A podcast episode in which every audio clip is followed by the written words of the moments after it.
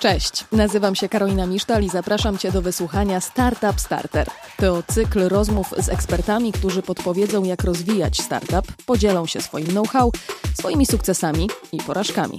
Wszystko po to, byś jeszcze skuteczniej mógł poprowadzić swoją działalność.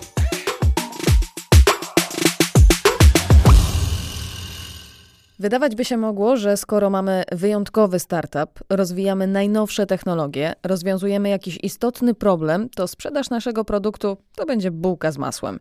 Wystarczy rozejrzeć się po rynku startupów, aby stwierdzić, że to bzdura. Nic samo się nie zrobi. Plan sprzedaży czy marketingu są tak samo ważne jak plan rozwoju produktu. Co więcej, powinny być ze sobą spójne.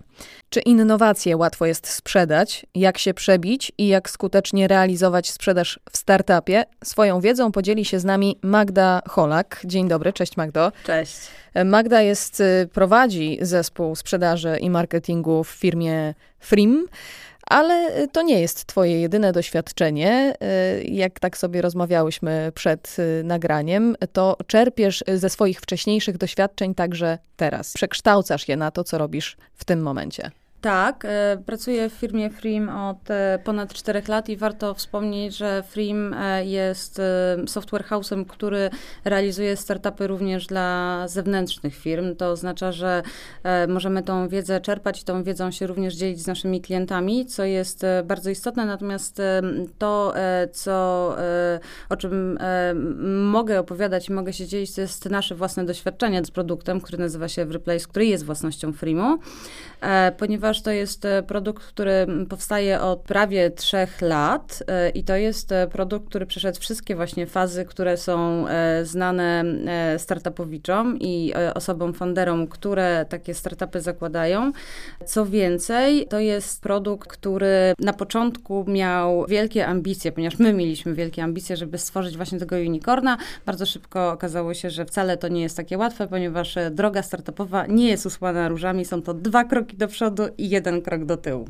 No i jak wiemy, tych unicornów na polskim rynku y, chyba nie ma, a jeśli są to jakieś naprawdę y, nieliczne, więc nie jest to rzeczywiście łatwa droga, by się nim stać. Pytanie, czy trzeba się nim stawać? Wydaje mi się, że e, niekoniecznie, ponieważ e, każdy founder, osoba, która decyduje się na taką podróż startupową, ma e, w planach i w swoich wizjach właśnie wybudowanie takiego drugiego Amazona albo drugiego Google'a, e, a prawdą jest to, że start startup jest sukcesem, jeżeli wybudujemy po prostu prawidłowo i dobrze działające przedsiębiorstwo, które zapewni nam godne życie, zapewni godne życie osobom, które e, pracują, będzie fajnym miejscem pracy. Więc e, stworzenie, e, sam fakt stworzenia od zera przedsiębiorstwa jest na pewno wymagający, ale z mojej perspektywy to również jest taka trochę droga startupowa żeby stworzyć taki dobrze prosperujący najpierw startup, później po prostu mm, świetnie prosperującą firmę, to trzeba umieć sprzedawać. Mm, no tak, trzeba umieć sprzedawać, ponieważ e, e, żaden produkt, e, nawet najlepszy, nawet kiedy wizjoner tego mm, produktu jest przekonany o świetności swojego dzieła i tego, że każdy to dzieło pokocha, no ono musi trafić po prostu do klientów. A jak... Nie, nie sprzedamy do momentu, do którego nie trafimy do tego klienta końcowego, więc cały proces sprzedażowy, który jest takim ekosystemem trochę z tym procesem, ze strategią marketingową, jest, taką jest takim kluczowym elementem właśnie w budowaniu tego typu przedsięwzięcia. Zanim ten startup nam się pięknie rozwinie, to jest jakimś ziarenkiem piasku, e, które no, nie ma za dużo e, funduszy zapewne na początku, a sprzedawać już jednak trzeba, żeby móc go rozwinąć. Jak to zrobić, gdy te środki mamy ograniczone? E, ja myślę, że ja bym e, tutaj chyba zaczęła od e, tego, jakie są bolączki czy błędy, które są popełniane właśnie przez tych startupowiczów. Przede wszystkim to jest związane z tym, gdzie należy zaoszczędzić, a gdzie należy dodać te pieniądze, bo budżet zazwyczaj nie jest z gumy, nie rozciąga się sam, chyba że planujemy faktycznie pozyskać inwestora, który nas wesprze tą dodatkową gotówką oraz wiedzą. Takim podstawowym błędem, błędem, który my jako Everyplace popełniliśmy i popełnia wielu klientów i tutaj nie będę ukrywać, że tak nie jest, mimo że oczywiście mieliśmy super wiedzę teoretyczną, ale jednak nie udało nam się tego uniknąć. Jest takie istotne pomijanie właśnie tego budżetu na sprzedaż i na marketing. Wiele firm, które decyduje się na budowanie startupu, koncentruje się po prostu na technologii.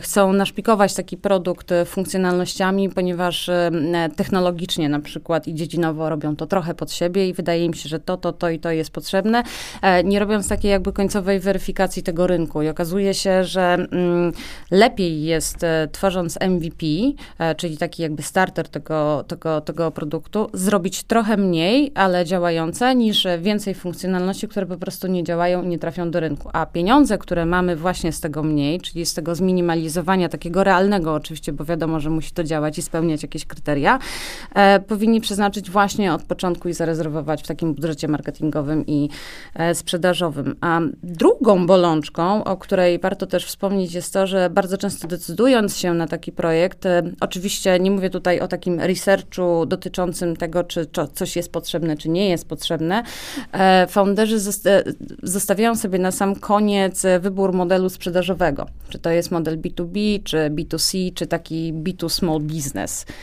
Ponieważ to też ma wpływ ostatecznie na to, ile tych pieniędzy e, przeznaczymy na reklamę i na sprzedaż, na procesy sprzedażowe, a z drugiej strony, z drugiej strony, w jakim terminie to się po prostu zwróci. Więc nie mając pieniędzy, bo takie było pytanie, co trzeba zrobić? No trzeba szukać chyba kreatywnych metod sprzedażowych i marketingowych po prostu. A jak y, w takim razie y, wykorzystać narzędzia, które mamy dostępne? Jakie to są narzędzia, jakie polecasz? E, wiesz co, dalej e, zamiast e, polecania narzędzi, to uważam, że... To powiesz o tych, których nie używać? Nie, powiem, powiem o tym, że w dalszym ciągu uważam, że trzeba zrobić porządny research, żeby limitować po prostu pieniądze, które są potrzebne na start w kontekście MVP właśnie, bo taki produkt, na który trochę mniej wydamy, jest później łatwiej dostosowywalny. Mamy jakieś pieniądze zapasowe, które możemy dostosować, pieniądze, które możemy też też wykorzystać na budżet. Natomiast jeżeli chodzi o te metody, o które pytasz, e, to tak jak powiedziałam, e, e, to muszą być metody kreatywne. Musimy w sposób taki dosyć nieszablonowy podejść właśnie do tej sprzedaży i do marketingu. Zawsze muszą być jakieś pieniądze na to przeznaczone, bo, bo inaczej się po prostu nie da. Nawet jeżeli realizujemy pewne założenia samodzielnie, to musimy pamiętać, że nasz czas to jest pieniądz. Natomiast wracam jeszcze do tych metod i do takiego pięknego określenia growth hacking. Mhm. To, jest, e, e, to jest e, metoda, która zarówno sprzyja rozwijaniu właśnie sprzedaży i marketingu w sposób kreatywny dla rynku B2B i B2C. Mówiąc ogólnie, obejmuje wszelkie niestandardowe, nieszablonowe operacje, które prowadzone są przy niskim nakładzie środków. Growth hacking e, nie wykorzystuje na ogół takich e, wysokobudżetowych e, form marketingu, zresztą takich, do których byliśmy kiedyś przyzwyczajeni, nie wiem, wyjazdy na konferencje, organizowanie stoisk na przykład na targach, materiały, które są drukowane, reklamy na przykład w jakichś czasopismach branżowych, natomiast szuka takich metod, które są tanie, które są bardziej online'owe i które wspierają również tempo działania rozwoju takiego przedsięwzięcia. One są takie trochę trochę jakby mniej oficjalne. E, I oczywiście tutaj nadrzędnym celem w przypadku tego growth hackingu jest pozyskanie jak największej ilości użytkowników e, oraz zrobienie takiego szeroko pojętego szumu dookoła naszego produktu. Mhm. I to jest y, jedna z tych metod. To jest e, metoda, na którą można powiedzieć składa się wiele innych metod czy narzędzi, które wykorzystywane są w startupach. Przychodzi mi do głowy taki znany przykład e, z Doliny Krzemowej akurat, czyli tych e, unicornów, których jednak trochę do których w Polsce, dążymy. Mhm. tak, do których dążymy, a których w Polsce brakuje, Airbnb. E, bo e, Airbnb e, pierwotnie powstawało w ogóle z założeniem tego, że będzie platformą do wynajmu takich mieszkań prywatnych na short term, natomiast wcale nie było im łatwo się przebić. I oni za, wykorzystali taki kreatywny trik do wykorzystania innej platformy, platformy, która nazywa się Craigslist, która jest cały czas obowiązującą, działającą platformą w Stanach Zjednoczonych. To jest amerykański internetowy serwis ogłoszeniowy e, i e, Airbnb wykorzystało e, Craigslista do promocji swoich ogłoszeń. W sposób automatyczny umieszczali swoje ogłoszenia Airbnb na platformie Craigslist, co zwiększyło niesamowicie w ciągu bardzo krótkiego czasu ich zasięgi. I to był taki trik właśnie growth hackingowy, ponieważ on wcale nie był związany z dużą ilością budżetu, finansów i siły też, która była w to włożona, natomiast w szybki sposób przyniósł efekt dużej skali. I to jest taki e, przykład, e, chyba jeden z bardziej znanych takiego właśnie growth hackingu, który był wykorzystany w Dolinie Krzemowej. Zresztą nie jedyny, jest ich pewnie bardzo dużo, trzeba byłoby poszukać, bo one są dosyć spektakularne, bo dotyczą właśnie głównie tych unicornów ze Stanów Zjednoczonych, z Doliny Krzemowej. No to co zrobić, żeby taki growth hacking faktycznie zaistniał w naszym startupie? E, myślę, że trzeba znaleźć kilka narzędzi, które można właśnie pod ten growth hacking, pod tą metodę dostosować. Takim narzędziem jest na przykład e, e, bus marketing, e, który jest również skuteczny i zarówno na rynku B2B i B2C. To jest metoda, która znowu podkreślam, wymaga jednak czasu i naszego zaangażowania. Być może lepiej, gdyby to było robione nie przez samego foundera, a jednak osobę, która jest do tego skierowana, która, która po prostu zajmuje się dokładnie tego typu zadaniami. Bus marketing to jest pojawianie się na forach, na grupach tematycznych, gdzie wspominamy o naszym produkcie, udzielamy porad e, przy okazji pokazując naszą firmę i przede wszystkim ten produkt e, w sieci. E, tutaj należy szukać takich miejsc, w których znajdziemy tych docelowych klientów. Tych klientów, którzy szukają porad, być może szukają właśnie takiego narzędzia, gdzie możemy pokazać się w roli eksperta. I dlaczego bus marketing jest skuteczną formą? Ponieważ dzisiaj w ogóle większość konsumentów, bez względu na to, czy to jest rynek B2B czy B2C, e, szuka po prostu opinii e, w sieci i zasięga takiej opinii w sieci online'owo e, przed podjęciem takiego procesu zakupowego, więc pojawianie się właśnie w formie eksperta, w formie dostarczania informacji właśnie w sieci jest dosyć sprawną formą na pozyskanie nowych klientów, na, na znalezienie z tymi z klientami kontaktu. Jest jeszcze inbound marketing. E, I e, mówiąc krótko, jest to po prostu marketing przychodzący. E, to są też e, praktyki internetowe, które e, pojawiły się wraz z postępem czasu i zmianą technologii, bo tak jak wspomniałam wcześniej, Prym kiedyś wiodły inne formy marketingowe, czyli, czyli takie, które były wysokobudżetowe. Teraz firm na to aż tak specjalnie nie stać, a, a poza tym, że ich nie stać, to też jakby technologia i ten czas zmienił trochę postrzeganie właśnie tych działań marketingowych. Celem takiego inbound marketingu marketingu jest po prostu zainteresowanie użytkowników e, celowymi treściami i rozwiązywanie ich problemów, a przy okazji dostarczanie informacji na temat naszego produktu, usług czy, czy, czy naszej firmy. E, w ramach tego inbound marketingu mamy też do czynienia z kilkoma metodami, e, które znowu są czasochłonne i znowu trzeba wziąć pod uwagę, że czas, czas to jest pieniądz. My na przykład u nas w Everplace stosujemy inbound marketing w kilku zakresach. Jest to na przykład blog firmowy, czy, czy taki content marketing. E, tworzymy dużo treści, które są dla naszych użytkowników, e, rozpowszechniamy te treści poprzez internet, e, mamy dużo artykułów, tworzymy poradniki, te przysłowiowe faki, które się pojawiają, e-booki, czy nawet podcasty. Staramy się mieć właśnie poprzez, poprzez ten content marketing kontakt z tym naszym końcowym klientem, bo my akurat w Everyplace mamy klientów, którzy zarówno pochodzą z rynku B2B, i pochodzą z rynku B2C, więc e, musimy i jednych, i drugi, drugich e, zadowolić, zadowolić mhm. właśnie mhm. tymi naszymi działaniami marketingowymi. Wracając e, jeszcze do tego, w jaki sposób znaleźć te kreatywne metody, to oczywiście trzeba wykorzystywać social media. To jest niesamowite narzędzie. Facebook, Instagram, Twitter, YouTube. Te działania w tych mediach społecznościowych są niesamowite i tutaj też warto jakby podkreślić, że to nowe pokolenie ma trochę inne postrzeganie. E, nie wiem jak ty, ale ja na przykład nie szukam już e, instrukcji obsługi e, sokowirówki poprzez, nie wiem, szukanie w Google instrukcji, przewijanie strony po stronie, tylko szukam po prostu różnych filmików na YouTubie, które mi pokazują, w jaki sposób użyć jakiegoś urządzenia. I to trochę tak samo e, działa. E, w tej chwili te działania, które są e, w sieci właśnie poprzez social media, one mają ogromną moc i na pewno to powinno wspierać każdy startup przy promocji produktu. Oczywiście trzeba też wziąć pod uwagę takie narzędzia, metody, które w ogóle jakby nas wspomogą. Chociażby budując stronę, trzeba pamiętać o tym, że strona powinna być odpowiednio zoptymalizowana, grafiki, które się pojawiają na stronie powinny być również zoptymalizowane pod kątem wyszukiwarek internetowych, czyli wszelkie te działania SEO-owe. E, no i oczywiście świetnie działają, ponieważ wszystko teraz powinno być e, darmowe. Doskonale działają w przypadku produktów skierowanych do ludzi, też produktów B2B, darmowe kursy, webinary. E, my w Everyplace od e, pewnego czasu tworzymy regularne webinary i jest to świetna metoda na pozyskiwanie nowych klientów, którzy przychodzą. Jest to możliwość zapoznania się z tymi osobami, e, pozyskania ich danych w pewnym sensie, bo musimy mieć możliwość później skontaktowania się z takimi osobami, ale widzimy, że każdy webinar i tego typu działania powodują, że przychodzą do nas cały czas nowi klienci. Mhm. No tak, no bo mm, w zasadzie mm, nie wciskacie im, w cudzysłowie mówiąc, swojego produktu, tylko dajecie im szansę się z nim zapoznać i po prostu z wami pozostać.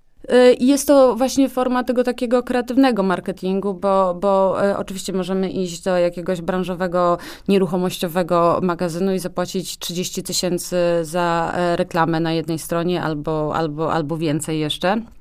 Ale wydaje mi się, że e, przede wszystkim startupy na swojej początkowej, raczkującej drodze po prostu nie mają takiego budżetu i muszą chwytać się tych sposobów, e, które są po prostu ekonomiczne. No tak, za to mają pełne głowy y, pomysłów, y, które mogą właśnie na przykład podczas takiego webinara, czy, czy swoją wiedzą, tak. czy umiejętnościami się po prostu y, podzielić i w zasadzie poza tym, że kosztuje ich to wysiłku polegającego na przygotowaniu takiego webinara, to, to to nie kosztuje ich to, ich to rzeczywiście wiele. Powiedziałaś dużo o networkingu, networku, a jak wykorzystać partnerstwa inwestorów, jeśli już takich mamy? No to jest też temat rzeka i też można byłoby bardzo dużo na ten temat y, opowiadać.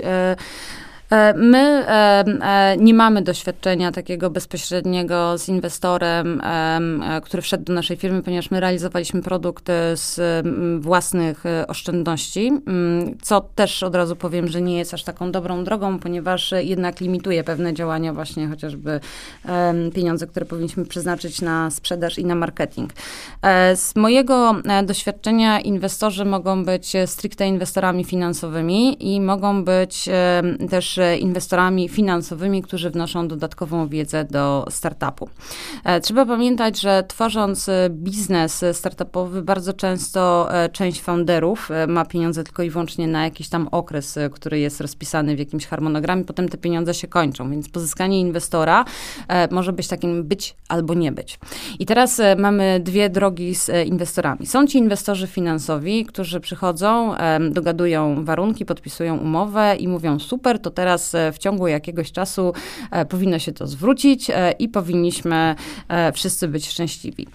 Ja osobiście takich inwestorów nie lubię. To są, ja ich nazywam inwestorami pasywnymi, ponieważ dla mnie to, co jest istotne, to nie jest tylko pozyskanie pieniędzy, ale istotne jest to, żeby inwestor wniósł do tego dodatkową wiedzę.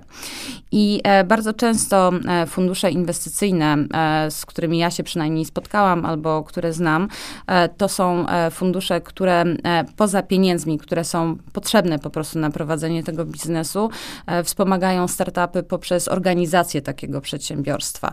E, to jest organizacja nie tylko i wyłącznie procesów, które są, ale to jest kwestia otworzenia drzwi, na przykład, których startup nie, nie, nie otworzy sam, bo jest po prostu za małą organizacją. To jest kwestia wprowadzenia strategii sprzedaży, strategii marketingowej i Czyli ustrukturyzowania trochę tego. Wiesz co, i ustrukturyzowania i wstrzyknięcia wiedzy do takiego startupu, bo e, najgorszą sytuacją, e, przynajmniej z mojego doświadczenia, e, jest to, jeżeli my coś wiemy, ale tak nie do końca. I tak trochę pukamy do różnych drzwi, otwieramy, zamykamy i aż wreszcie trafimy na te prawidłowe.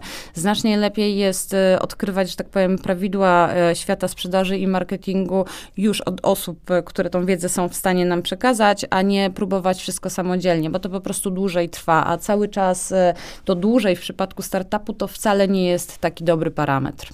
Mhm.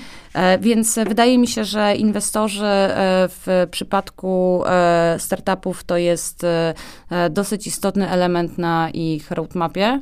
W momencie, jeżeli mamy ograniczony limit, to powinniśmy od razu przygotowywać się pod, przygotowywać się pod to, żeby takiemu inwestorowi po prostu oddać część swoich udziałów. Oczywiście za tym stoi jeszcze mnóstwo innych rzeczy, bo są jeszcze e, e, detale, które, albo może nie detale, ale jest jeszcze mm, dużo kwestii, które są kwestiami prawnymi, organizacji samej firmy, podziału. E, na pewno inwestor, dobry inwestor potrafi wstrzyknąć wiedzę, potrafi po prostu ten startup ukierunkować i też potrafi taki startup trochę spiwotować, ponieważ ja znam takie historie z rynku, gdzie były startupy, które sobie funkcjonowały jakoś tam i wchodził inwestor inwestor, który mówił, może zmienimy ten produkt trochę, albo może zmienimy grupę właśnie docelową klientów i może dzięki temu wyprowadzimy ten startup na trochę inną drogę. Więc e, wydaje mi się, że są potrzebni. No to zatrzymajmy się przy tych pivotach w takim razie. E, czym jest, to trochę m, raczej na pewno nasi słuchacze wiedzą, ale możemy w prostych żołnierskich słowach e, przypomnieć. E, no ale przede wszystkim pytanie, co powinniśmy zrobić przed podjęciem decyzji o takim pivocie? Co jest, co jest ważne? Jaka zmiana strategii? Mm, no, to jest e, poważna decyzja e, w startupie, bo sam pivot jest e, taką dużą zmianą początkowego pomysłu, która ma sprawić, że od tej początkowej strategii odejdziemy w sposób istotny, ale osiągniemy upragniony sukces, więc pivot to jest trochę przewrócenie wszystkiego do góry nogami, co jest pozytywne, ponieważ w momencie, jeżeli produkt nam nie idzie, bo wtedy też pivotujemy taki produkt, produkt nam nie idzie, no to mamy dwie opcje opcje. Możemy go po prostu wrzucić do kosza i o nim zapomnieć i stracić pieniądze, które zainwestowaliśmy, bądź możemy przemyśleć, czy gdzieś zostały popełnione błędy, nie został zrobiony research, albo praktyka po pokazała, że to nie jest ten rynek i zastanowić się, co w takim produkcie zmienić, albo jak zmienić strategię, żeby on po prostu zaczął e, działać. E, więc e, to jest ja bym traktowała pivot jako pozytywne e, zdarzenie w e, startupie, absolutnie nie negatywne i też taką trochę naturalną e, rzecz, która się w startupie powinna dziać. Zresztą sama na początku powiedziałaś, że z tymi startupami to jest tak, że dużo się zaczyna jakby z wielkimi ambicjami, ale tak naprawdę jakby mało staje się tymi przedsiębiorstwami bądź tymi unicornami.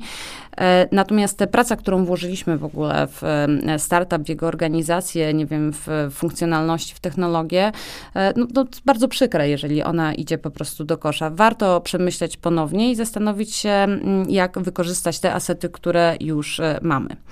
E, natomiast to nie jest łatwa decyzja. E, w szczególności w startupie, który nie ma aż dużo pieniędzy, aż tak dużo pieniędzy, e, ponieważ e, decydując się na pivot, w zasadzie można powiedzieć, że trzeba zrobić wszelkie działania związane ze startupem od nowa. Trzeba ponownie zrobić rzetelną analizę rynku i potrzeb klientów. Trzeba uzyskać od tych klientów rzetelny feedback i wsłuchać się ich w potrzeby, zastanowić się, co trzeba zmienić w naszym produkcie, żeby był wykorzystywany, żeby były wykorzystywane bieżące asety. E, trzeba przeanalizować, czy stać nas w ogóle na taki pivot, bo, bo pewne procesy, nie wiem, w przypadku projektów e, IT bardzo często zostaje technologia, ale trzeba znowu rozpocząć tą nową sprzedaż, nową tą strategię marketingową, e, zastanowić się, trzeba rozpocząć w ogóle akcję sprzedażową i marketingową e, takiego predefiniowanego produktu. No i chyba to, co jest najbardziej istotne, no to uzbroić się w cierpliwość. No tak, no bo w, zasadzie y, można powiedzieć i sprowadzić to do tego, że zaczynamy trochę od nowa, wszystko tak. od początku. No to y, zatrzymajmy się na tym y, początku, y, zarówno w przypadku Pivota, jak i w ogóle y, wypuszczenia produktu na rynek tego naszego pierwotnego. Kiedy powinniśmy zacząć sprzedaż? Kiedy ten produkt będzie już gotowy, wiesz, y, wymuskany, opakowany w piękne, w, w, w piękne pudełeczko i przewiązany opaską, czy, czy jednak wcześniej? No, pewnie są różne teorie i pewnie fachowcy rynkowi od startupów i od inwestorów mogą mieć inne zdanie niż ja. Ja uważam, że produkty należy pokazać światu i wypuścić na rynek w momencie, w którym są, jest gotowy do tego pod kątem technologicznym, ale nie jest zbyt zaawansowany. Czyli dalej wracam do tej reguły takiego realnego, realnych funkcjonalności w MVP.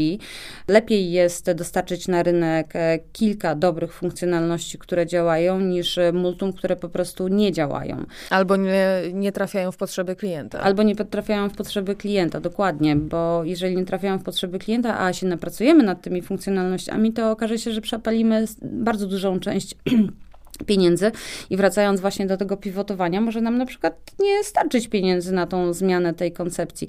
E, oczywiście e, są, e, znam osobiście kilka osób, które powiedzą, produkt trzeba e, pokazać rynkowi w momencie, kiedy on jest e, super e, gotowy, ponieważ jeżeli zostanie zaprezentowany wcześniej, to znajdzie się wiele firm, które na przykład skopiują mój genialny pomysł.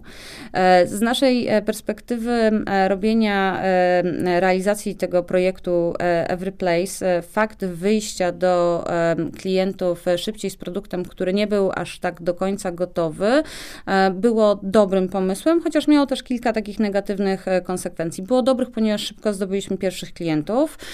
Ci pierwsi klienci stali się takimi early adapterami i zaczęli się rozwijać wraz z tym produktem. My rozwijaliśmy ten produkt pod tych klientów, oni dawali nam feedback, my ten feedback wykorzystywaliśmy do tego, żeby E, następne rzeczy, które robimy, były już bardziej e, celowane na rynku. Natomiast e, też niestety wychodzenie z takim produktem E, na rynek e, dosyć wcześnie, ma swoje wady. Na przykład e, wadą, i to jest sytuacja, która jest powtarzalna naprawdę w niejednym startupie, jest zaciąganie tak zwanego długu technologicznego. I ten dług technologiczny jest taki, że my obiecujemy klientom, że dostarczymy pewne funkcjonalności. Najczęściej, kiedy jesteśmy to w stanie sformalizować, nawet jesteśmy na tyle chętni, żeby się pod tym podpisać, na przykład w harmonogramie, że w takiej w takiej dacie coś będzie dostarczone. A tu się okazuje, że mija ten termin. E, my wcale nie do końca mamy pieniądze na to, żeby to zrobić, albo mamy krucho z zasobami, bo brakuje nam na przykład dewelopera od backendu albo jakiegoś e, innego, e, innej osoby, która wesprze ten proces. I co robimy? No robimy szybko, robimy to z gorszą jakością, to ostatecznie działa i jesteśmy w stanie z nożem na gardle to takiemu klientowi dostarczyć i, i wszystko jest ok.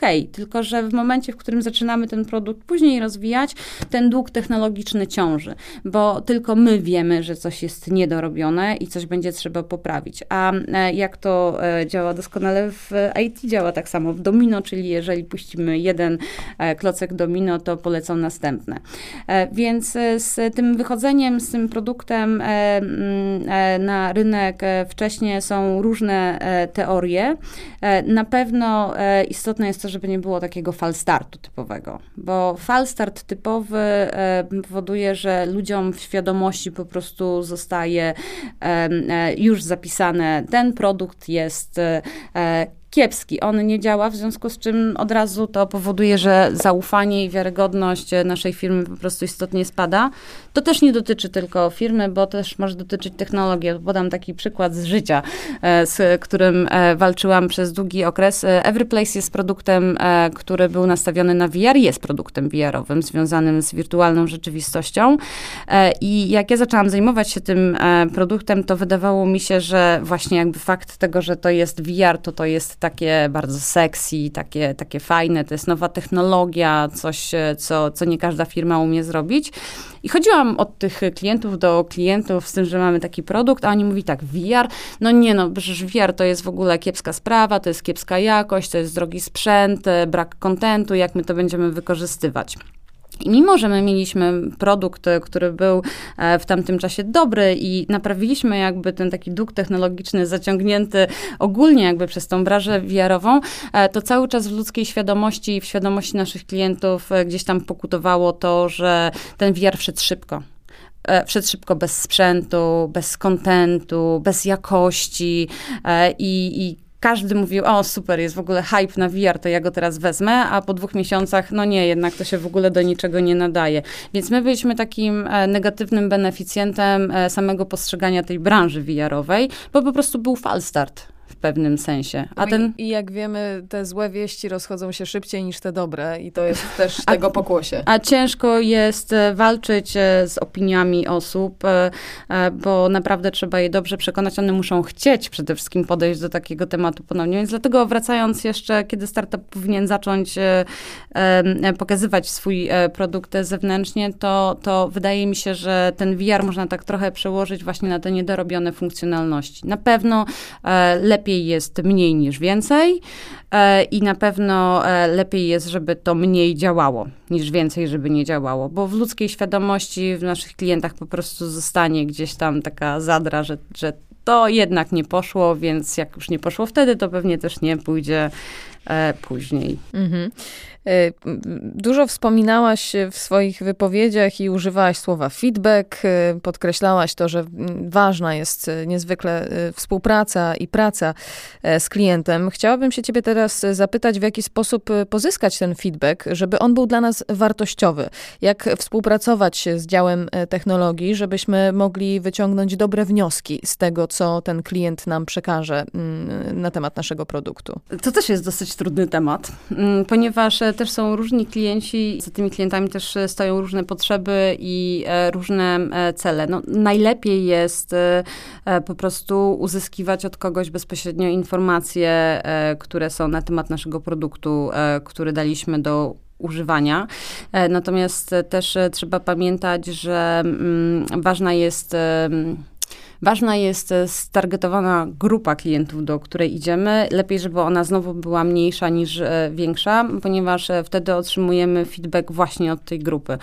My mieliśmy też kilka takich, nasz, nasz, nasz produkt, przepraszam, że tak się odnoszę do niego, ale jest mi pewnie chyba najłatwiej na bazie naszego osobistego przykładu. Nasz produkt jest produktem, który jest taki dosyć, ma takie bardzo stabilne fundamenty do tego, żeby obsłużyć kilka branż. I ja spotykając się na przykład z funduszami inwestycyjnymi, e, mówiłam, a to jest dobre do tego, do tego i do tego. Oni mówili, no nie, no super, że jest dobre, to jest w ogóle strasznie fajna rzecz, że jest dobre, no ale, ale co jest jakby to kierunkowe dla Was. Który z, który z tych rynków jest tym rynkiem przewodnim? I mi było bardzo ciężko opowiedzieć, bo wydawało mi się, że to jest taka super w ogóle rzecz, że on taki jest bardzo generalny, holistyczny.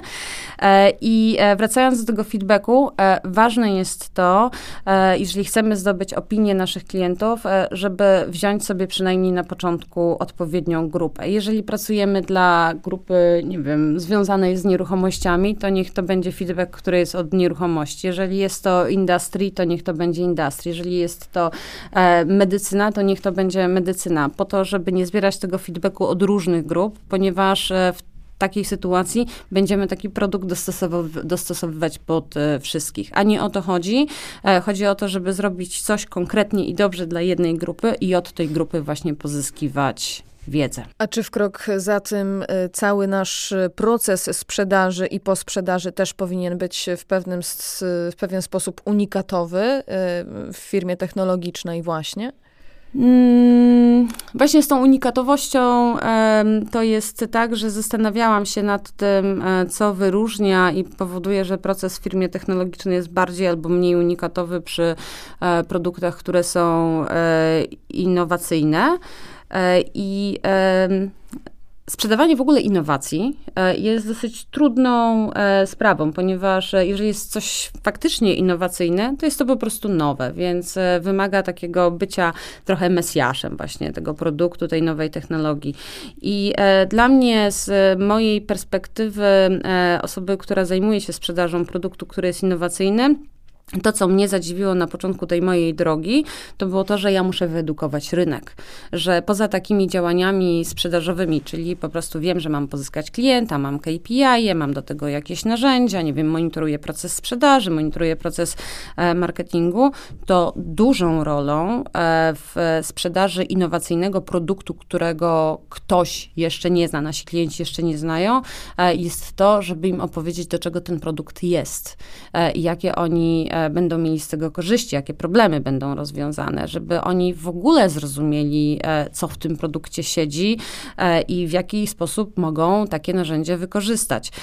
Więc to jest chyba taka rzecz, która jest unikatowa właśnie w takich procesach sprzedażowo-marketingowych, bo dostając do sprzedania, dostając do sprzedaży, nie wiem, samochód na przykład, to jest chyba dobry przykład, nie pójdziemy do salonu i pan nie będzie mówił, e, który sprzedaje samochód, że tym samochodem możesz dojechać do babci na obiad. E, tutaj e, w przypadku produktu, który zapełnia jakąś lukę, ale jest kompletnie innowacyjny, my musimy po prostu naszym klientom wytłumaczyć, po co on jest. I ta droga tej edukacji to jest bardzo często droga przez mękę. Wymaga dużych nakładów, dużego przemyślenia, wielu spotkań z klientami i to jest na pewno, na pewno unikatowość w procesie sprzedaży innowacji. Krążymy mocno wokół tego tematu, jak sprzedawać. Dużo o błędach mówimy po to, żeby ich po prostu nie popełnił ktoś, kto nie musi ich popełnić, żeby się po prostu na nich nauczył.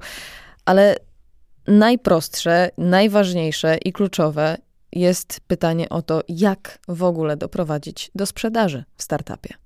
Jak doprowadzić do sprzedaży e, w startupie? Myślę, że takimi regularnymi e, metodami. Wiedzieć, co się sprzedaje, e, mieć stargetowaną grupę klientów, do których można uderzyć, przygotować te przynajmniej podstawowe materiały marketingowe, które potrzebne są dla, dla danego rynku, wykorzystać wszelkie dostępne metody zautomatyzowanej sprzedaży, to zarówno przy produktach B2B, B2C, nie wiem, korzystając na przykład przykład z LinkedIna, czy, czy z e, Sales Navigatora LinkedIna, e, e, targetować reklamy pod klientów. Przecież jest mnóstwo narzędzi facebookowych chociażby, które, które to ułatwiają, więc też różnicą jest to właśnie, czy mamy ten rynek B2B czy B2C, bo rynek B2B to jest bardzo często rynek, w którym my już mamy klienta. My wielokrotnie spotkaliśmy się z naszymi klientami, dla których realizowaliśmy takie projekty startupowe, gdzie oni przychodzili i mówili, robię startup pod rynek B2B, ale ja już mam klienta, który jest na to zdecydowany. I to jest oczywiście pierwszy taki klient, taki early e, adapter, czy sformalizowany, czy niesformalizowany, czyli czy jest, czy nie jest podpisana umowa, ale w przypadku B2B e, bardzo często e, polega to na relacjach. E, te relacje są istotne. Osoby, które, które mm, są e, właścicielami takich startupów, e, bardzo często już po prostu przychodzą z tym klientem. A w przypadku rynku B2C, no sprawa jest chyba trochę bardziej skomplikowana, bo my nie mamy tego kontaktu face to face, nie mamy tych takich personalnych relacji z klientem. Musimy szukać wszelkich tych narzędzi kreatywnych, które spowodują, że ten klient się nami zainteresuje. Musimy mieć dobrą stronę internetową z tymi prawidłami SEO. E, musimy korzystać e, właśnie z automatyzowanej sprzedaży, tworzyć kustomizowane reklamy pod e, klienta. No, mnóstwo działań, które mogą spowodować, że doprowadzimy do tej pierwszej sprzedaży. Natomiast ostatecznie znowu cierpliwość jest istotna ponieważ bardzo często od pierwszego, że tak powiem, wbicia łopaty, czyli próby sprzedaży takiego produktu, na przykład B2B, to, to mija dobrych kilka miesięcy. I to jest dla osoby, która chciałaby mieć rezultaty dosyć szybko, to jest deprymujące, bo, bo, bo z jednej strony może widzieć na przykład topniejący w oczach budżet, a z drugiej strony nie ma tej monetyzacji tego naszego E, produktów, więc, e, więc na pewno cierpliwość, na pewno e, regularność, na pewno korzystanie z nowoczesnych narzędzi dostępnych, no w szczególności już w czasie pandemii jest ich trochę więcej, no i relacje. Proste i trudne jednocześnie. Magda, ch chciałabym teraz porozmawiać z Tobą trochę o relacji, ale już nie startup klient czy startup inwestor, ale takich wewnętrznych relacji. -hmm. Bo jesteś, tworzysz zespół, przewodniczysz zespołowi sprzedaży i marketingu. Tak. Więc u ciebie ta współpraca jest już zawarta wręcz w, w, w twoim bio. E, I tak rzeczywiście uważasz, że powinno to działać, że te działy są ze sobą nierozerwalne i powinny ściśle współpracować, bo to z tym bywa różnie. Tak, tak. Ja jestem przekonana o słuszności jakby tej zasady, czyli tym ekosystemie sprzedażowo-marketingowym.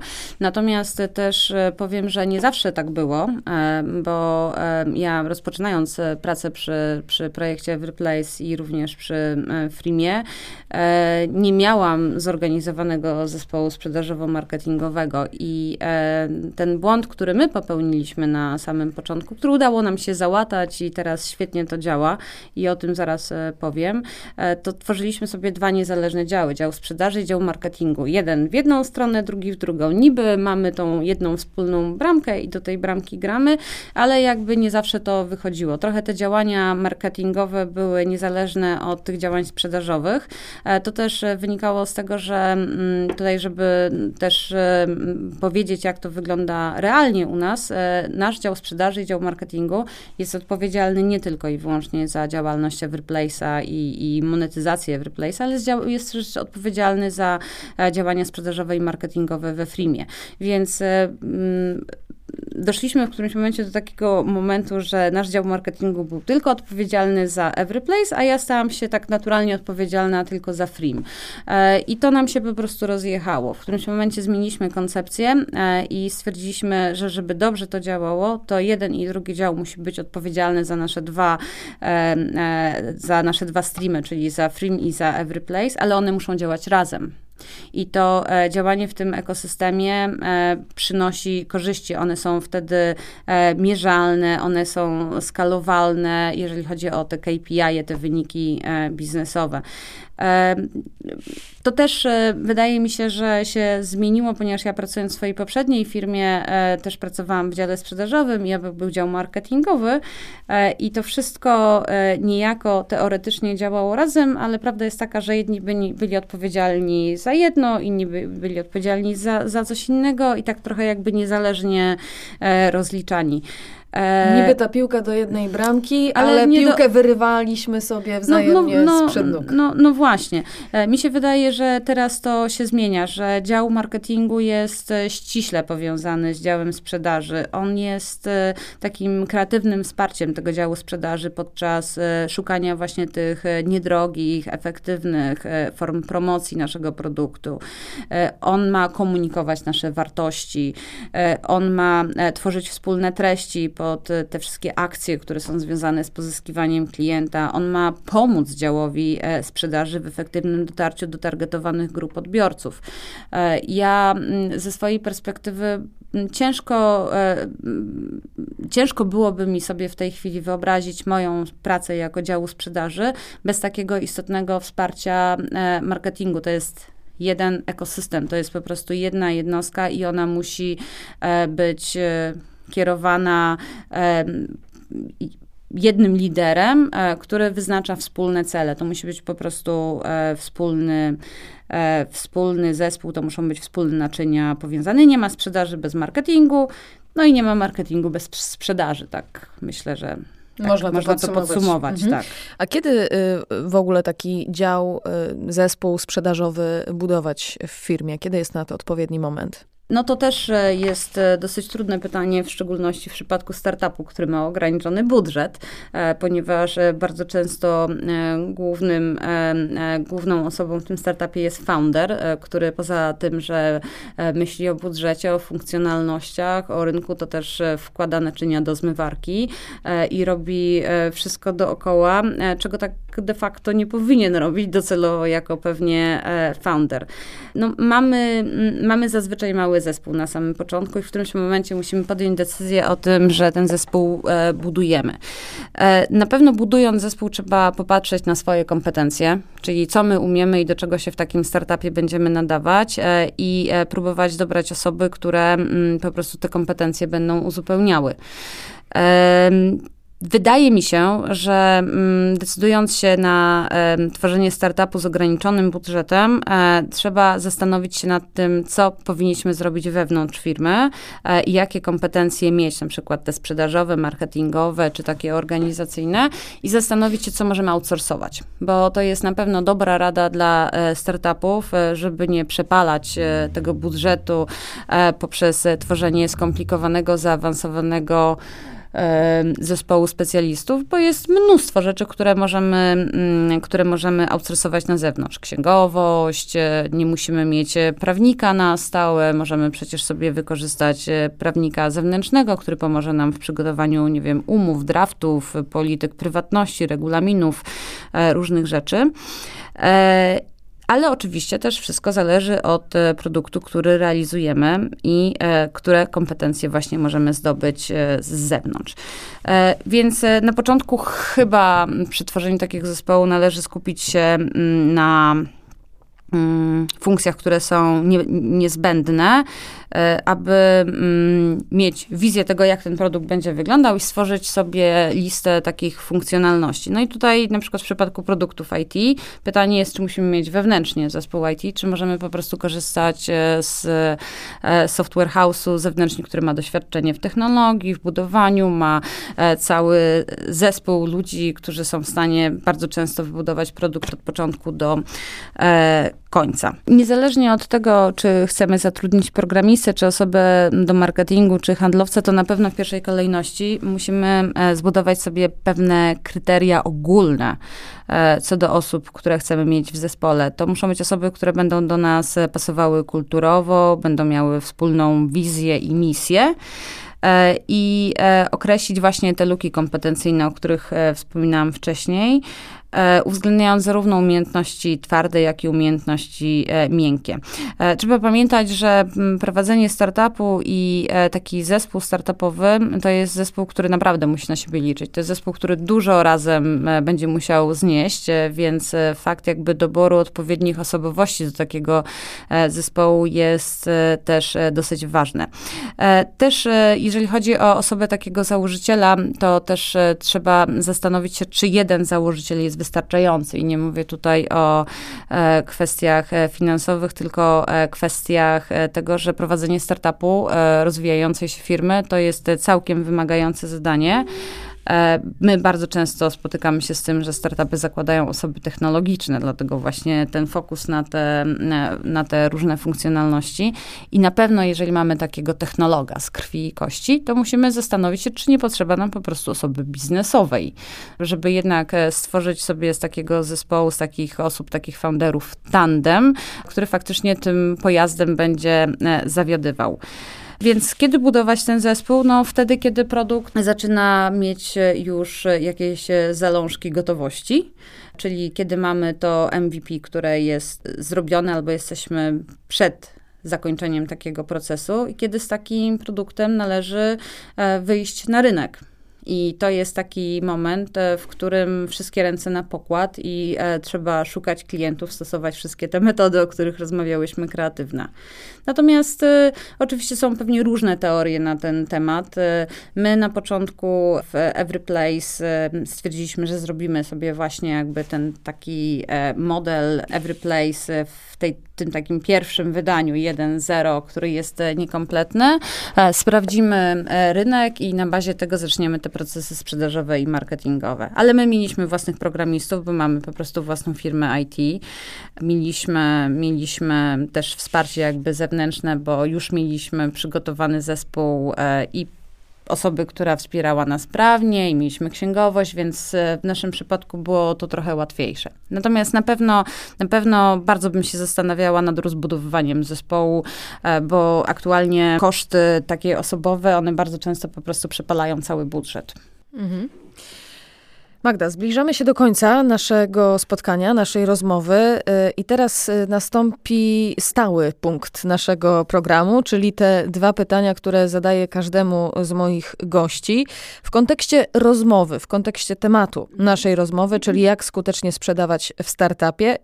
Czy jest jakiś wrocławski startup, który przykuł szczególnie Twoją uwagę? Nie wiem, czy startup, ale firma, e, którą e, śledzę od wielu lat, e, myślę, że nie będę tutaj jedyna, która o tym powie, to jest Brand24 i to jest Michał Sadowski, ponieważ to jest firma reprezentowana przez Michała, który jest mistrzem w budowaniu i zwiększaniu świadomości marki. To mi bardzo imponuje, bardzo mi się to podoba. Michał jest chodzącą reklamą Brand24, jest jej ambasadorem, można powiedzieć i jest naprawdę bardzo mocno zaangażowany w to, co robi. I też e, prawdopodobnie właśnie dzięki zaangażowaniu ciężkiej e, pracy e, pozyskał, pozyskał taką pozycję. Brand24 jest nie tylko i wyłącznie firmą, która jest znana we Wrocławiu, ale jest znana w Polsce i na świecie. Chyba obecnie mają ponad 3,5 tysiąca klientów i to zostało osiągnięte właśnie przez taki dynamiczny rozwój tego biznesu, ale też e, fakt e, bardzo aktywnego działania w social mediach. E, I nie wiem, czy można nazwać to startupem w tej chwili, czy, czy to dzieło można nazwać startupem, natomiast na pewno jest to firma, którą po prostu śledzę od lat i traktuję ją jako taki wyznacznik jakby dobrego prowadzenia biznesu skutecznego po prostu. Mhm. A drugie pytanie, y, które jest stałe, y, to gdybyś miała podzielić się ze startupami jedną radą dotyczącą sprzedaży, to co by to było? Hmm, cierpliwość uzbroić się w cierpliwość, bo mm, budowanie startupu to jest e, bardzo pasjonujący, bardzo pasjonujący kawałek e, mojego życia, e, aczkolwiek ja jestem osobą, która chciałaby mieć szybko rezultaty, szybko efekty mojej pracy i niestety w przypadku budowania i monetyzowania startupu nie jest to takie oczywiste, mimo pierwotnych założeń, które sobie zrobiłam, więc wydaje mi się, że cierpliwość jest e, tutaj e, bardzo istotna. E, trzeba pamiętać, że prowadzenie startupu to jest kilka kroków do przodu i dwa do tyłu. To jest dużo zmian, które się dzieją, dużo decyzji, to jest ogromna i ciężka praca. To jest taka sinusoida, można powiedzieć. Wiele rzeczy będziemy uczyć się na własnych błędach, wielokrotnie właśnie ten wspomniany krok w tył. To może zniechęcić, Dlatego wydaje mi się, że dla każdego, e, dla każdej osoby, która rozważa założenie tego typu biznesu, e, to, to, to przede wszystkim cierpliwość. Cierpliwość, y, bo czas to pieniądz y, i no, w przypadku startupów y, to trzeba wyważyć, bo z wieloma rzeczami trzeba się spieszyć, ale później właśnie tej cierpliwości powinniśmy nabyć, żeby poczekać na efekty tej naszej ciężkiej pracy, żeby nie wyrzucić czegoś do śmietnika czy do kosza, co jeszcze może obrodzić dobrymi owocami. Tak bym to podsumowała. Tak, tak, tak. To jest myślę bardzo trafne trafne podsumowanie. Magda Holak, moim i waszym gościem w podcaście Startup Starter. Bardzo, Bardzo dziękuję. dziękuję.